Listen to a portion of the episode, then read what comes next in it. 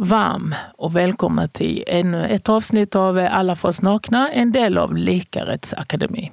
Jag idag, jag har min kompanjon Ulla Bandulla med mig. Varsågod. Ah, hej Taivo! Och tack ska du ha. Vad härligt att vara här idag. Tänk, idag ska vi prata om något som är riktigt, riktigt spännande. För vi ska prata om lika rätt och lika möjligheter eh, med någon form av connex till digitalisering.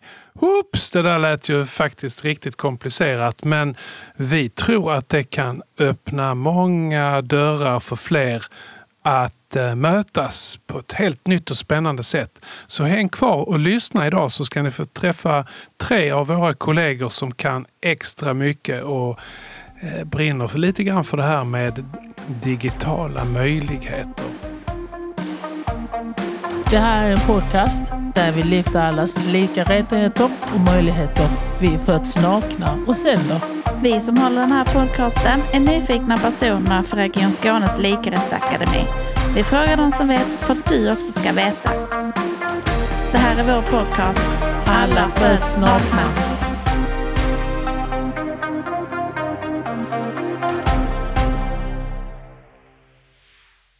Har tre gäster med oss idag. Madeleine, Kristel och Louise. Och eh, ska vi kanske börja med att eh, ni får presentera er. Eh, vem har vi här vid vår sida? Madeleine heter jag. Eh, enhetschef just nu i, på barn och ungdomshabiliteringen i Helsingborg, men arbetsterapeut från början. Eh, kallas också Madde för det mesta. Som det namnet dyker upp i podden så vet ni vem det är.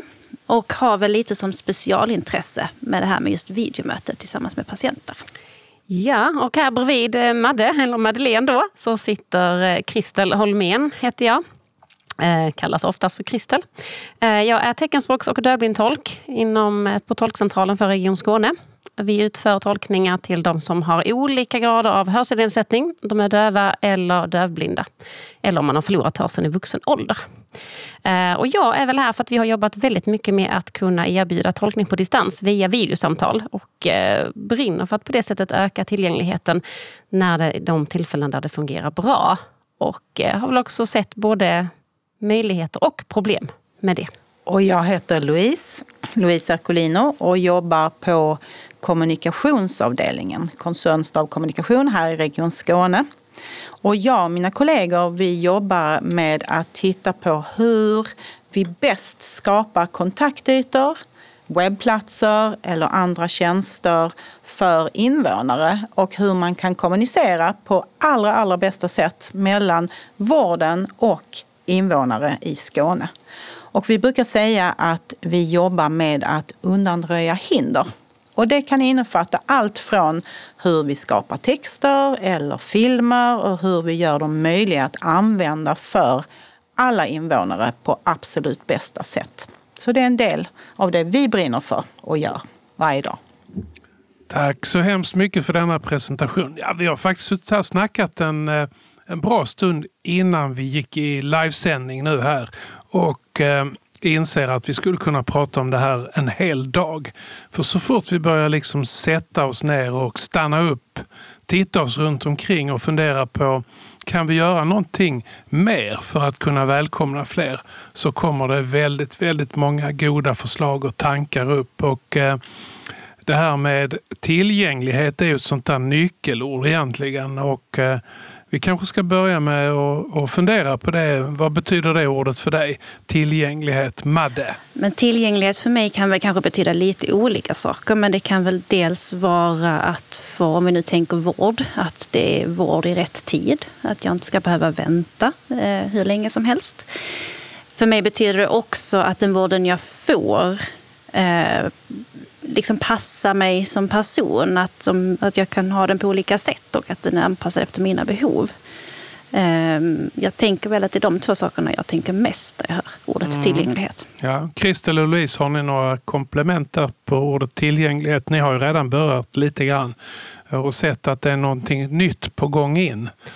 Alltså, till, alltså tillgänglighet för mig handlar väl faktiskt, just med tanke på mitt yrke då, när jag jobbar med folk som inte hör eller har ett alternativt kommunikationssätt, så handlar det mycket om att låta människor komma till tals. Eh, och att bli lyssnad på Och att få tillgång både till vård men även information på det sättet som, som just den personen behöver. Ja, och för mig kan jag väl bara lägga till att eh, tillgänglighet i min värld handlar om att alltid ställa sig frågan i jobbet då, vem är det vi finns till för? Och eh, när man ställer sig den frågan, därefter ställa sig eh, frågan hur kan vi på bästa sätt se till att det är så enkelt eh, och okomplicerat som möjligt att de vi finns till för kan komma i kontakt med oss och kommunicera med oss. Louise, du hade en, när vi satt och åt lunch innan idag så hade du en så fin mening. Jag vågar inte försöka härma den nu för jag kan den inte ordagrant. Men du berättade just det här om tillgänglighet och att det ska vara för alla. Mm. Eh, kommer du ihåg vilken mening du, ja, körde där? För jag ehm, tyckte den, den skulle nästan skriva ner. Det man brukar prata om i de här sammanhangen det är helt enkelt att det som är nödvändigt för vissa, alltså det som vissa människor i samhället av nödvändighet behöver för att kunna använda sig av våra tjänster, det är ju också bra för alla. Och rent praktiskt kan det vara till exempel om vi hade haft ett hus att alla skulle kunna komma in genom samma dörr. Jag hade inte behövt gå åt annat håll för att jag har ett funktionshinder eller nedsättning till exempel. Är det så du menar? Ja, det man menar det är ju att om vi tänker in det perspektivet från början, när vi till exempel beställer saker, när vi bygger saker, när vi utvecklar saker, då har vi ju redan lagt grunden. Och då ja. behöver vi inte sen göra konstiga eh, ja, andra sätt att jobba för att nå den lilla procent som vi utesluter och så vidare. Utan tänk in det från början. Ja, det blir inte då har vi, vi löst dem. Mycket. Det blir inga vi och dem då, mm. eller hur? Nej. Nej, och det blir mycket billigare i längden. Ja, det låter väldigt eh, mycket trevligare också. Eh, inkluderande som vi brukar säga. Och jag gissar att inom teckenspråksvärlden så finns det säkert grejer att hänga på i det ja, resonemanget? Alltså jag tänker på lite exempel där när han pratar om alla de här video och samtalslösningarna som vi nu alla har använt under pandemin. Det finns ju hur, flera stycken som helst. Det är Teams och det är Zoom och vet, massa olika som man använder både privat och i, i tjänsten och så. Um, och när man då inser att det här, vad är det man vill se i sin skärm när man har ett möte? Eh, någon ska dela en powerpoint till exempel. Ja, men vill jag verkligen bara sitta och titta på powerpointen? Det blir ganska tråkigt i längden och så hör jag någons röst som pratar. Det blir ju ganska tråkigt om man jämför med ett möte. Då hade jag sett personen som pratar också. Eh, och när man då tänker från en perspektiv om man är teckenspråkig så måste jag ju se den som använder teckenspråk. Du måste ju se den som, som pratar, eller man måste se sin tolk eller den som använder teckenspråk. Eh, men jag vill ju också se powerpointen samtidigt, så där behöver man ju ha system som är lite flexibla. Att man kanske kan anpassa så att jag kan se powerpointen, men jag kanske kan förstora upp bilden på den som jag behöver se. Vill jag se den som använder teckenspråk eller vill jag se den som pratar? Och Det här är någonting som, precis som Louise har kommer alla till gagn. För egentligen upplever de flesta att det blir ju trevligare om jag får lov att se den som pratar, inte bara se en powerpoint, för de är ju oftast ganska tråkiga. Men det handlar också om att man måste kunna anpassa då storleken på de här. Har man en synnedsättning istället så kanske jag inte är så beroende av att se personen som pratar, men jag vill kanske kunna förstå powerpointen så jag verkligen kan läsa den. Men det är, någon, eh, det är funktioner som egentligen de flesta uppskattar och vill ha när man väl har haft dem. så att säga. Så finns de där från början så blir det mycket enklare. Mm. Och I barn, ungdom, habiliteringsvärld, finns det någonting du kan haka på här kring detta som du tänker på? Ja men absolut och jag och Kristel har ju suttit i samma arbetsgrupp för att ta fram ett nytt videomötesprogram. Så okay. vi har ju liknande erfarenheter där. Ja. Eh, men hos mig så har vi ju eh, barn och ungdomar som antingen har autism, någon form av rörelsenedsättning eller intellektuell funktionsnedsättning är våra vanligaste eh, diagnoser hos oss. Och där innefattar det också ofta någon form av kommunikationssvårigheter. Det kan vara alltifrån att du kommunicerar med, med tal och språk men du kanske föredrar att att, eh, att visa på ett papper, att fylla i klickfrågor när man har ett samtal som stöd eller att man kommunicerar med bildstöd. Så där är ju också en funktion som vi tryckt mycket på. Att ja, men det är så vinnande om patienterna kan få dela skärm och själva få fylla i, när man kan dela dokument till exempel och skriva och fylla i och sådär. Och det, det tycker nog fler. Och då kan ju de i gruppen säga oh ja men det hade ju våra patienter också haft vinning av i det här sammanhanget. Så att absolut att vi har de erfarenheterna. Jag tänkte Louise, ehm, du arbetar ju eh, på eh, koncernstab kommunikation. Och ni är ju som spindeln i nätet liksom med att paketera information på ett bra sätt och liksom hjälpa oss alla medarbetare och invånare att, att hitta rätt i denna nya värld. Um, och um, Kan inte du berätta lite grann om hur du ser på möjligheten av att uh, komma in i den digitala tillgängligheten och vilka dörrar det kan öppna och, och hur vi, vi vanliga ute på golvet uh, Eh, kan få lov att komma över tröskeln där liksom. Och jag är glad Ola att du, du omnämner det som möjligheter för det är precis det det handlar om.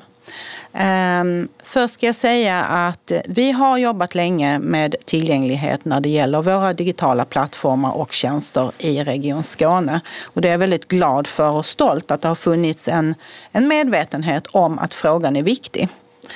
Och nu har vi ju sedan ett par år fått ännu större stöd i de frågorna eftersom det dessutom har kommit en lag på området som eh, brukar kallas för DOS-lagen, lagen om tillgänglighet till digital offentlig service. Och den stärker ju den här rättigheten för invånare eh, och pekar ännu tydligare på att det ska finnas goda möjligheter för alla. Eh, och då behöver vi jobba på många olika fronter. Och det är inte någons ansvar.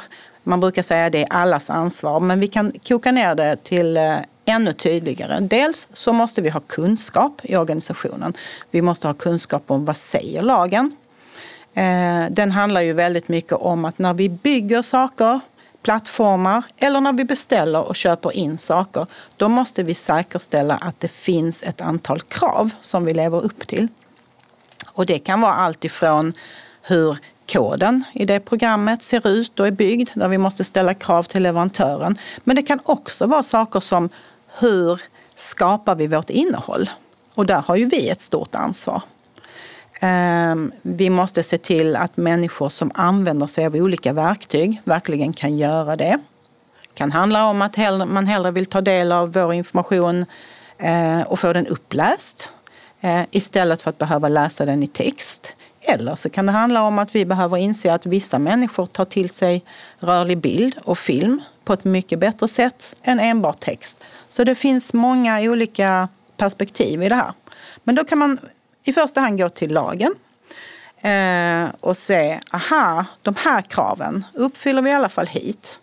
Då är vi inkluderande på ett bra sätt. Sen kan vi ju alltid göra mer. Eh, så olika delar av vår verksamhet behöver sätta sig ner och fundera på vad betyder det för oss? Vad betyder det när IT ska beställa någonting? Att man har med sig de här användbarhetskraven vid sidan av alla andra krav vi har såklart.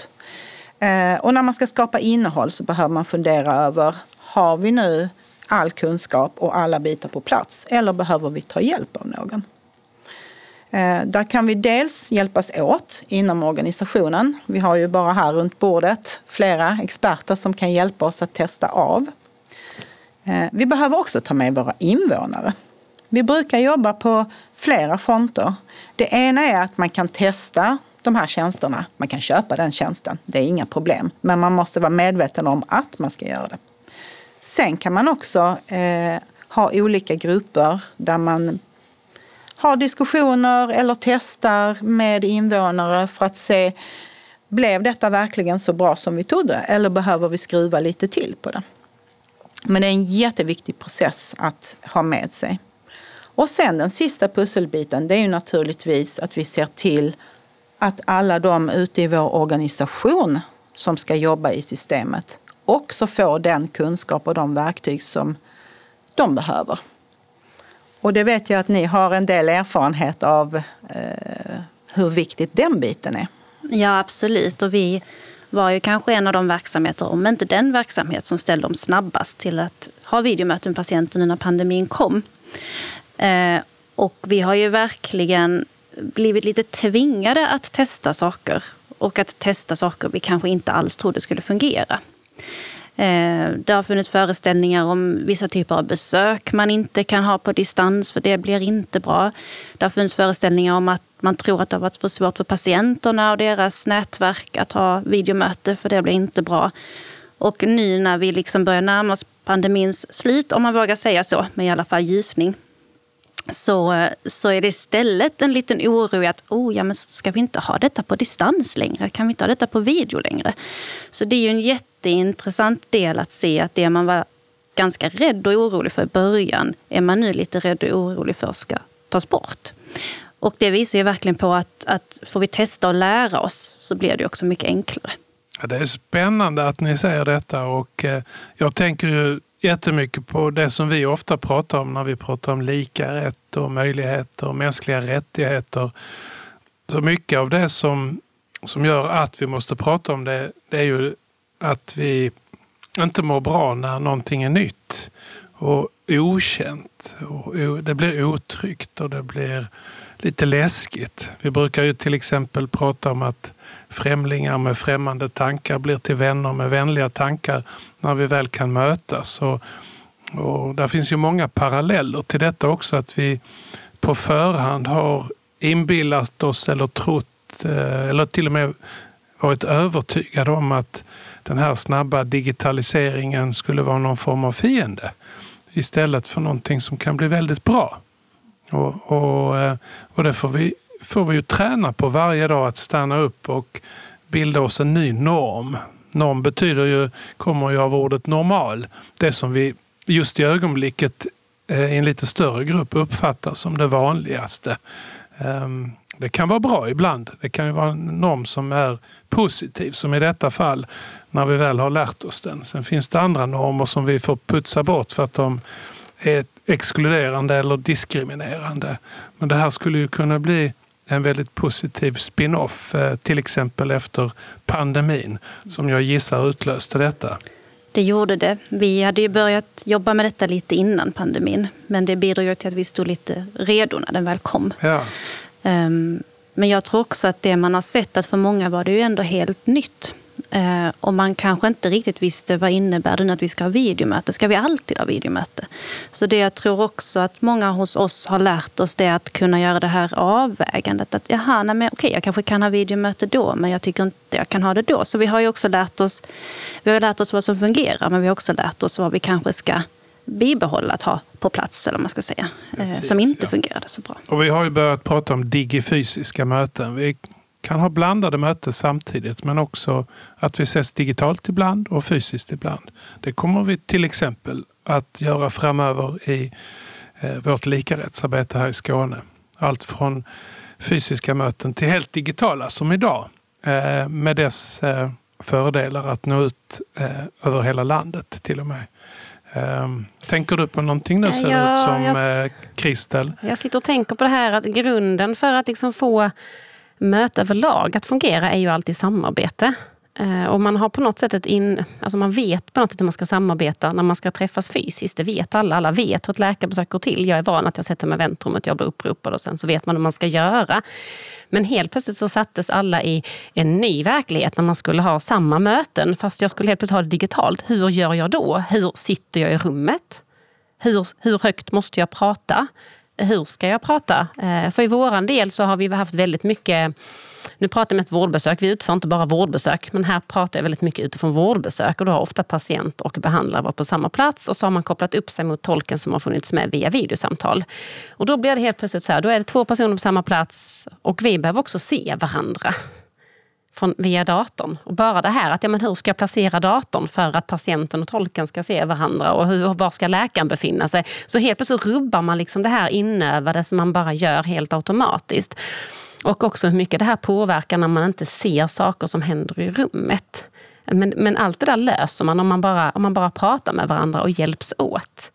Eh, så det är nog någonting vi har fått lära oss, att det är man tydliga. Men vi har nog också fått ta lite kommandot i de möten som tolkar känner vi. Därför att vi tolkar till så himla många olika Eh, alltså inom vården. Så de kanske bara har ett patientmöte med en teckenspråkstolk och sen har de inte det igen på två månader. Men vi har det liksom varje dag. Så på något sätt var det vi som blev experterna där och vi fick tala om att så här funkar det, så här behöver du göra för att det ska fungera. Vi blev tvungna att vara ganska tydliga där.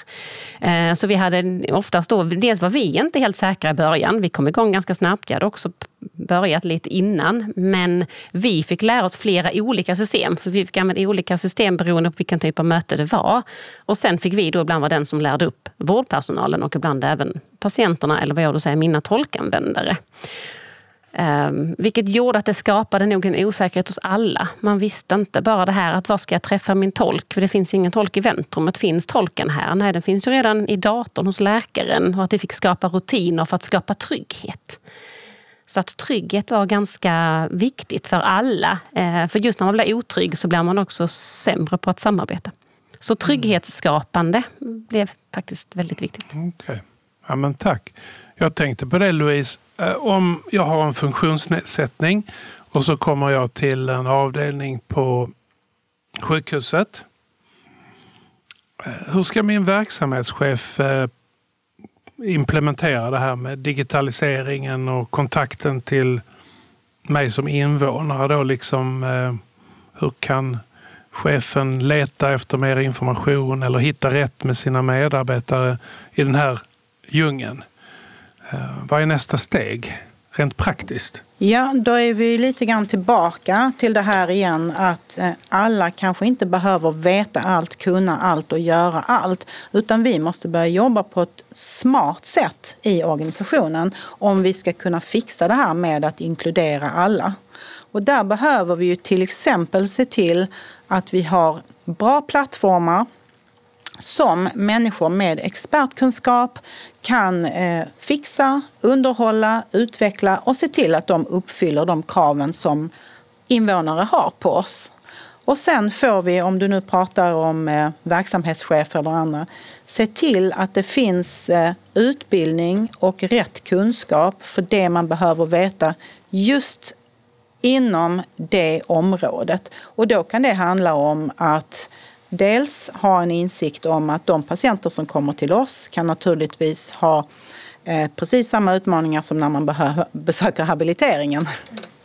Eh, man har ju lika stort behov av olika delar av vården. Någonting man också kan göra det är att se um, jag ska formulera det så här. Vi har haft patienter som har sagt att det som är en utmaning ibland i Region Skåne, det är att när man vänder sig till en mottagning så tror den mottagningen att de är de enda man har kontakt med. Och där är någonting där vi kan börja jobba smartare, det vill säga att börja jobba mer med standarder. Till exempel att om det funkar på ett sätt att fylla i någonting eller ta kontakt eller boka så funkar det på ett likartat sätt var jag än vänder mig. Där kan vi göra jättemycket i den här eh, organisationen. Och i lagen och i riktlinjerna framför allt så pratar man om det här eh, som att man inte ska utsätta människor för onödig eh, kognitiv påverkan eller kognitiv stress. Och det betyder helt enkelt att jag ska inte behöva tänka så himla mycket på hur vi gör. Utan återigen, se till att jobba på likartat sätt när det gäller de här eh, funktionerna som patienter måste använda. Så blir det enklare för alla. Och så kan man koncentrera sig på det här viktiga personliga bemötandet istället, som är så otroligt viktigt. Ja, vi pratade lite om, om det innan, universell design. Eh, det vill säga, jag tror att man kan översätta det med ett samhälle, en miljö, en plats som vi kan komma till utan att behöva känna att vi går in genom en annan dörr, utan vi erbjuds lika vård, lika möjligheter oavsett vem en är. Och så byggs det på det sättet från början och krävs ett antal byggklossar. Och det är ju en väldigt eh, fin tanke det där och eh, det låter enkelt men, eh, men då gäller det hela tiden att stanna upp. Och återigen så, ni som lyssnar på detta, tänk på det att aktiva åtgärder är något som ska bedrivas på varje arbetsplats. Och jag tror precis det vi pratar om idag eh, när det gäller medarbetare måste komma in där och till alla invånare så kommer det in via diskrimineringslagen. Så oavsett eh, vilken lag eller förordning vi tittar på så är det ett arbete som vi måste ta in nu och som blir ännu tydligare med den här lagen som heter DOS, eller heter DOS ju. Och vi älskar nya lagar i Likarättsakademin för det betyder att vi måste få chansen att komma och snacka med en massa människor. Då passar vi prata om, på att prata om normer och eh, relationer och mellanmänskliga möten. Om hur vi tränar på att vara vänliga mot oss själva och alla vi möter varje dag. Och Det är också något vi måste träna på hela tiden. Jag tänker lite grann på det här som Luna Louise säger när du beskriver det här med systemet och att vara mer generella och sådär. Det knyter egentligen väldigt mycket an till det jag pratar om, att skapa trygghet. För det skapar trygghet. För som du säger, patienterna, men det är, ni är inte de enda jag har kontakt med. Nej, men om jag nu ska ha kontakt med många så måste jag kunna göra det via samma system, att det ser likadant ut. För lite kan vi prata om det här att man blir, alltså alla använder olika digitala system. Man har något på jobbet och man har något inom vården och så ska man då olika inom vården. Så, så orkar man inte. Nej, men då är det enklare att jag åker dit. För jag orkar inte. Ska jag ladda ner ytterligare en app? Ska jag skapa ytterligare ett konto? Alltså sådana saker som, som kan kännas som små saker men som blir jobbigt när man ser att det blir väldigt mycket av det. Och just att skapa trygghet. Jag vet hur det här fungerar. Jag vet hur jag ska göra. Om jag sitter här och ska logga upp till mitt digitala möte för jag ska träffa Madde, men jag kommer inte in i mitt möte. Hur gör jag då? Det handlar också om att skapa en trygghet, att jag ska veta hur gör jag då när det inte fungerar? Var kan jag få hjälp någonstans? Ehm, och då hamnar ja men då kanske det finns en, ja, men då kan vi ringa. Ja men då måste det finnas en annan funktion. Du måste kunna chatta för att få den hjälpen till exempel om du inte hör och så. Så att, ehm, mm, just trygghet. Precis, och där tror jag att där behöver vi titta på hela det vi brukar kalla patientresan. Jag vet att Skånes universitetssjukhus har gjort ett jättebra arbete där man har intervjuat många patienter och följt dem från det att man ska ta sig till sjukhuset, till vilka hinder det kan mm. medföra bara att kunna parkera bilen, mm. tills att man ska hitta rätt, till dess att man kanske ska gå hem och boka sitt återbesök. Mm. Eh, och där kom man fram till att det var väldigt mycket som dränerade människor på energi. Människor som redan är många gånger dränerade på mm. energi, annars hade mm. de inte vänt sig till oss. Nej. Och där måste vi vända på det här och säga hur kan vi istället låta dem behålla så mycket som mm. möjligt av den energin genom mm. att göra det enkelt. Och det tycker jag är lite extra intressant för det har vi ju sett hos många av våra patienter och deras familjer och föräldrar. Att man just säger det här att ja, men det är skönt att ibland inte behöva åka ifrån jobbet. Det är skönt att inte behöva bli hämtad på skolan och kompisarna undrar ja, var ska du någonstans? Utan man kanske kunde gå undan någonstans och ha ett kort möte. Eh, och att för många tar det energi att orka ta bussen och tåget till sitt vårdbesök. Så det är ju någonting vi har hört väldigt mycket av som jag tycker är en viktig aspekt i det hela. Ja, Louise, det här med digitala kallelser, vad innebär det egentligen? Digitala kallelser är någonting som vi har jobbat med i Region Skåne sedan två år. Och det är ju ett försök att eh, ge ännu bättre digital service kan man säga. Idag så går ju de flesta av våra kallelser ut till patienter via brev, det traditionella sättet. Eh, det är bra för vissa människor, men det tar också lång tid innan de kommer fram. Det kan komma bort och det är ganska bökigt tycker många invånare eftersom du är van att ha din information i telefonen idag. Du är van att du kan agera på den, omboka, avboka och så vidare. Så vi vill ju naturligtvis utöka den servicen och se till att alla kan ta del av den. Och då jobbar vi faktiskt som, vi ligger före där i Region Skåne för att se hur kan vi då kombinera med att alla patienter får både en digital kallelse även på papper, men man kan välja bort papper om man inte behöver det. Och då måste vi naturligtvis tänka in vad finns det för lagkrav kring det här? Och den plattformen, 1177, som kallelserna landar på, är den bra för alla eller ska vi ställa ännu fler krav på den så att vi vet och kan garantera att alla som tar emot den där också kan komma åt dem och jobba med dem. Men från invånarnas sida så är det många som tycker att det här är ett väldigt bra och nödvändigt steg framåt. Det här låter ju fantastiskt. Och då får man börja tänka på det här. Hur ser förutsättningarna ut för invånarna att kunna använda sig, tillgodose den här tjänsten? Dels så jobbar vi väldigt mycket med omvärldsbevakning. Vi tittar på Eh, hur använder invånare andra digitala tjänster i samhället? Vi vet idag väldigt mycket att de flesta människor har en mobiltelefon. Vi vet också att pandemin har bidragit till att många, många fler har loggat in på 1177. Man kanske har bokat sin vaccinationstid eller man kanske har varit tvungen att kontakta vården digitalt eftersom man inte har kunnat komma på besök. Så att många invånare finns idag på eh, 1177. Vi är faktiskt uppe i över 90 procent, vilket är en väldigt hög siffra. Så det ska man ha stor respekt för. När det gäller just kallelserna så finns det två saker som vi tittar på. Det ena är att de systemen som vården jobbar i, de måste kunna vara riggade så att det går att skicka kallelser både digitalt och på papper de som jobbar i vården måste ju också känna sig trygga med att patienterna verkligen får det de ska ha. Så där ska vi jobba ännu mycket mer med att fånga upp frågor som finns ute på verksamheterna. Som vi vet finns när det är någonting nytt som införs. Där behöver vi jobba tillsammans med utbildning, vi behöver jobba tillsammans med Infosäk. Vad är det som gäller? Vad kan jag göra som vårdpersonal och vad kan jag få stöd om jag är osäker? Så det kommer vi att jobba vidare med. Men framför allt så jobbar vi också med innehållet. För att, att få information digitalt kan ju också ställa till det för många människor. Eh, det är en helt annan sak att ta till sig bara text. Väldigt svårt för en stor grupp människor. Vi måste se till att ta bort allt onödigt. Vi måste se till att prata samma språk oavsett vem det är som är avsändare. Och vi måste se till att det som är absolut viktigast, och det brukar ju vara till exempel hur jag ska förbereda mig inför ett besök, är det som verkligen når fram. Så vi involverar såklart invånare.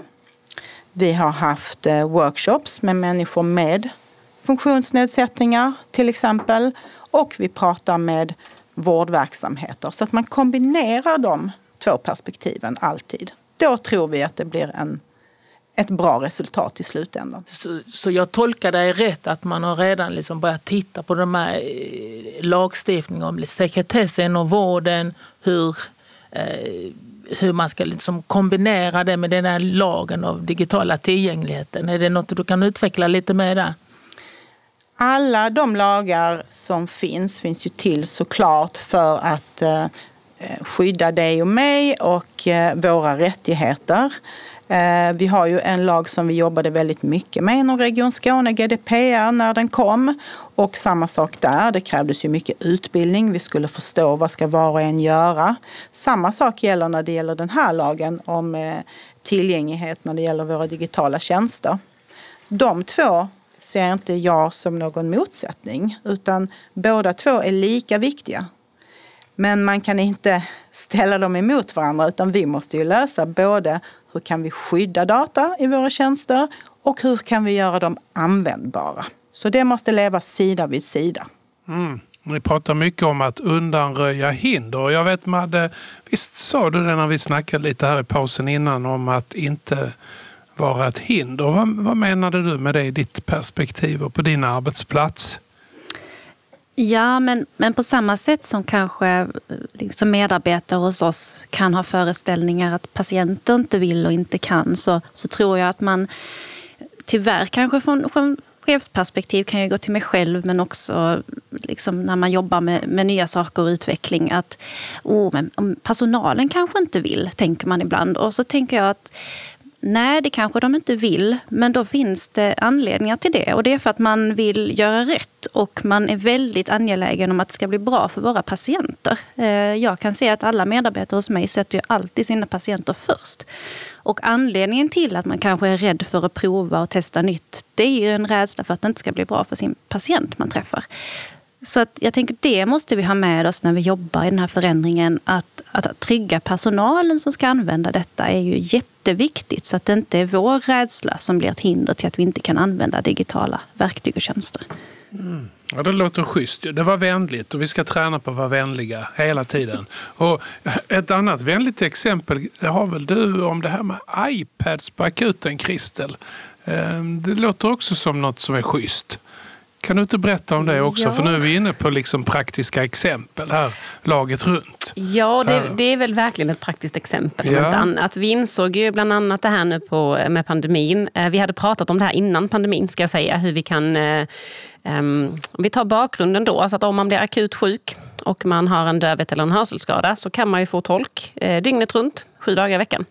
Men det finns en tolk i beredskap i Skåne. Eh, om vi tar mig själv som exempel så bor jag i Kristianstad och behovet uppstår här i Malmö.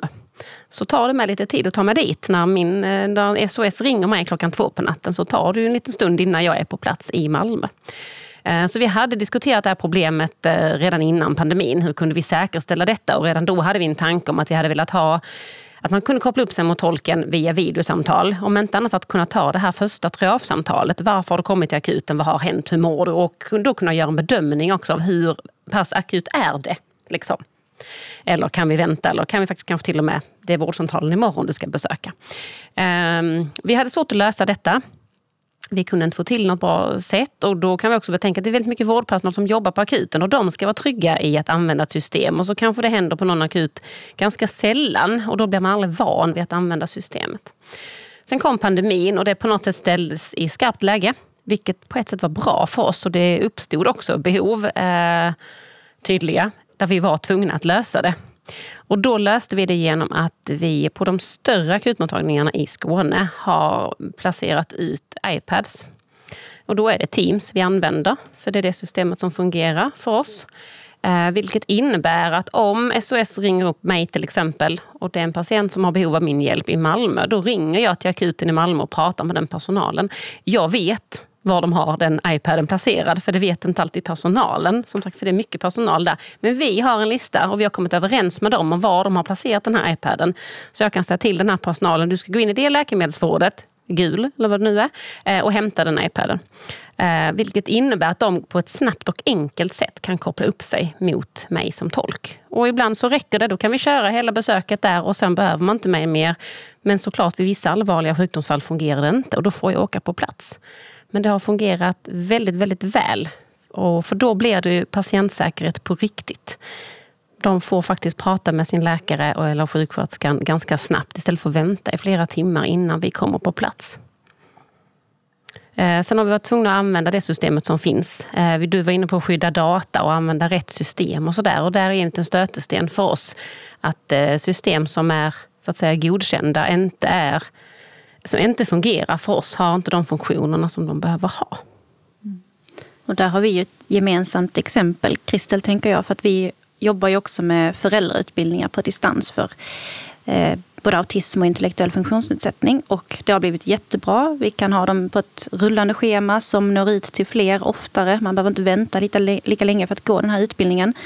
Men vi behöver ju också använda det här systemet som funkar. Eh, Teams är det ju då och det är på väg nya program som ska ersätta det. Men även om vi använder Teams så hade vi ett exempel där det var en mamma till ett barn med autism som ville vara med på en föräldrautbildning. Men den här mamman behövde ett teckenspråkstolk. Och då var det omöjligt att lösa på ett smidigt sätt. Eh, Så där är ett sånt tydligt exempel när våra verksamheter möts och vi märker det här problemet som ju blev väldigt uteslutande för den Mm. mamman. Och där har vi ibland andra lösningar, eh, men som ställer väldigt stora krav på föräldern i det här fallet. För då kan vi ibland, då har vi ibland löst det med att då kör vi med dubbla system.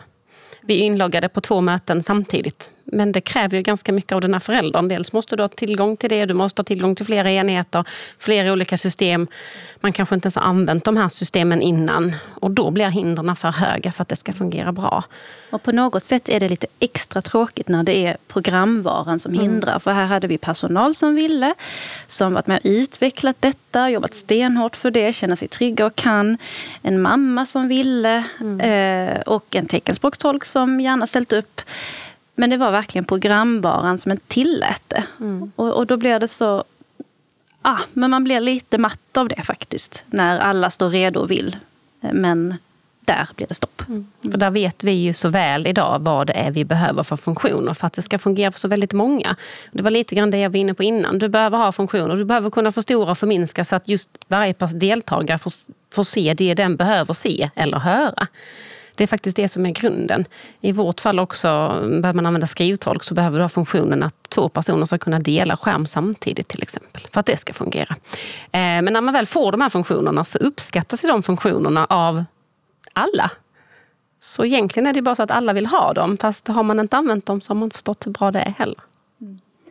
Så det vi nog egentligen vill ha sagt är ju att, att i den här framtidsvisionen för att fortsätta arbeta med detta så vill vi ju verkligen att Region Skåne ska ha det bästa systemet så att vi möjliggör för alla att kunna vara med och delta i den här nya digitala världen. Mm. Och rida lite på det tänker jag. För våra, de som vi möter där ute, invånarna, är ganska vana nu vid att använda digitala möten men man har lärt sig från det till olika sätt. Så någonstans, lite grann som du sa också innan det här med lagen, att man får inte ha för mycket kommer inte ihåg vad du sa, kognitiva utmaningar, eller att det ska vara enkelt att lära sig. Alltså är det ganska skönt om system är lite liknande varandra, för det kan också bli en utmaning annars, att system får inte se för olika ut. Tack. Jag eh, vill bara säga att det finns andra eh, eh tjänster för, för digitala samtal också, än det som har nämnts i programmet. Vill du avrunda, Ola? Jag skulle vilja säga tusen tack till er tre som har kommit hit och lärt oss en massa idag. Jag hoppas att alla ni som lyssnar där ute också inser att vi har fått nya favoritprylar i vår verktygslåda. Den här likarättslådan som idag innebär att vi, ja vad ska man kunna säga, vi har fått fler digitala nycklar in till som öppnar dörrar och kan välkomna fler till det vi jobbar med i Region Skåne för alla. Eh, tack så hemskt mycket för det. Och Mm. innan vi slutar så är det två saker kvar.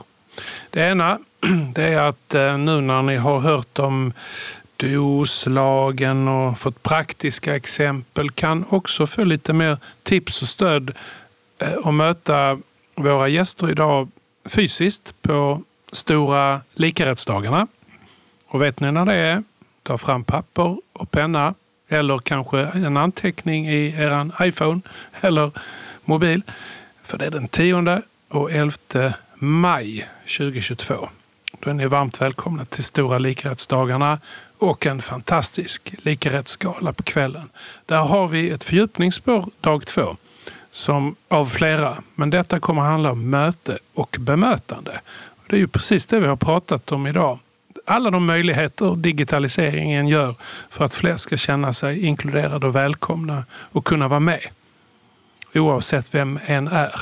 Så den avslutande frågan Taivo som ni brukar ställa till all... Just det, just den eh, poddens eh, namn, Alla föds nakna. Vad, vad, vad, tycker ni om det? Vad betyder det? Vad, vad tänker ni spontant? Vill du börja Madde? Det kan jag göra och jag tänkte nog bara spontant att alla eh, inte alla föds under samma förutsättningar, för det är det ju kanske inte riktigt, men alla föds med, med lika värde kanske? Mm, jag var lite inne på samma spår som du, att alla föds med samma värde. Men också att även om man har, alla har möjligheter, men de möjligheterna behöver inte se likadana ut. Men det innebär ju varken att de är bättre eller sämre, bara att de är olika.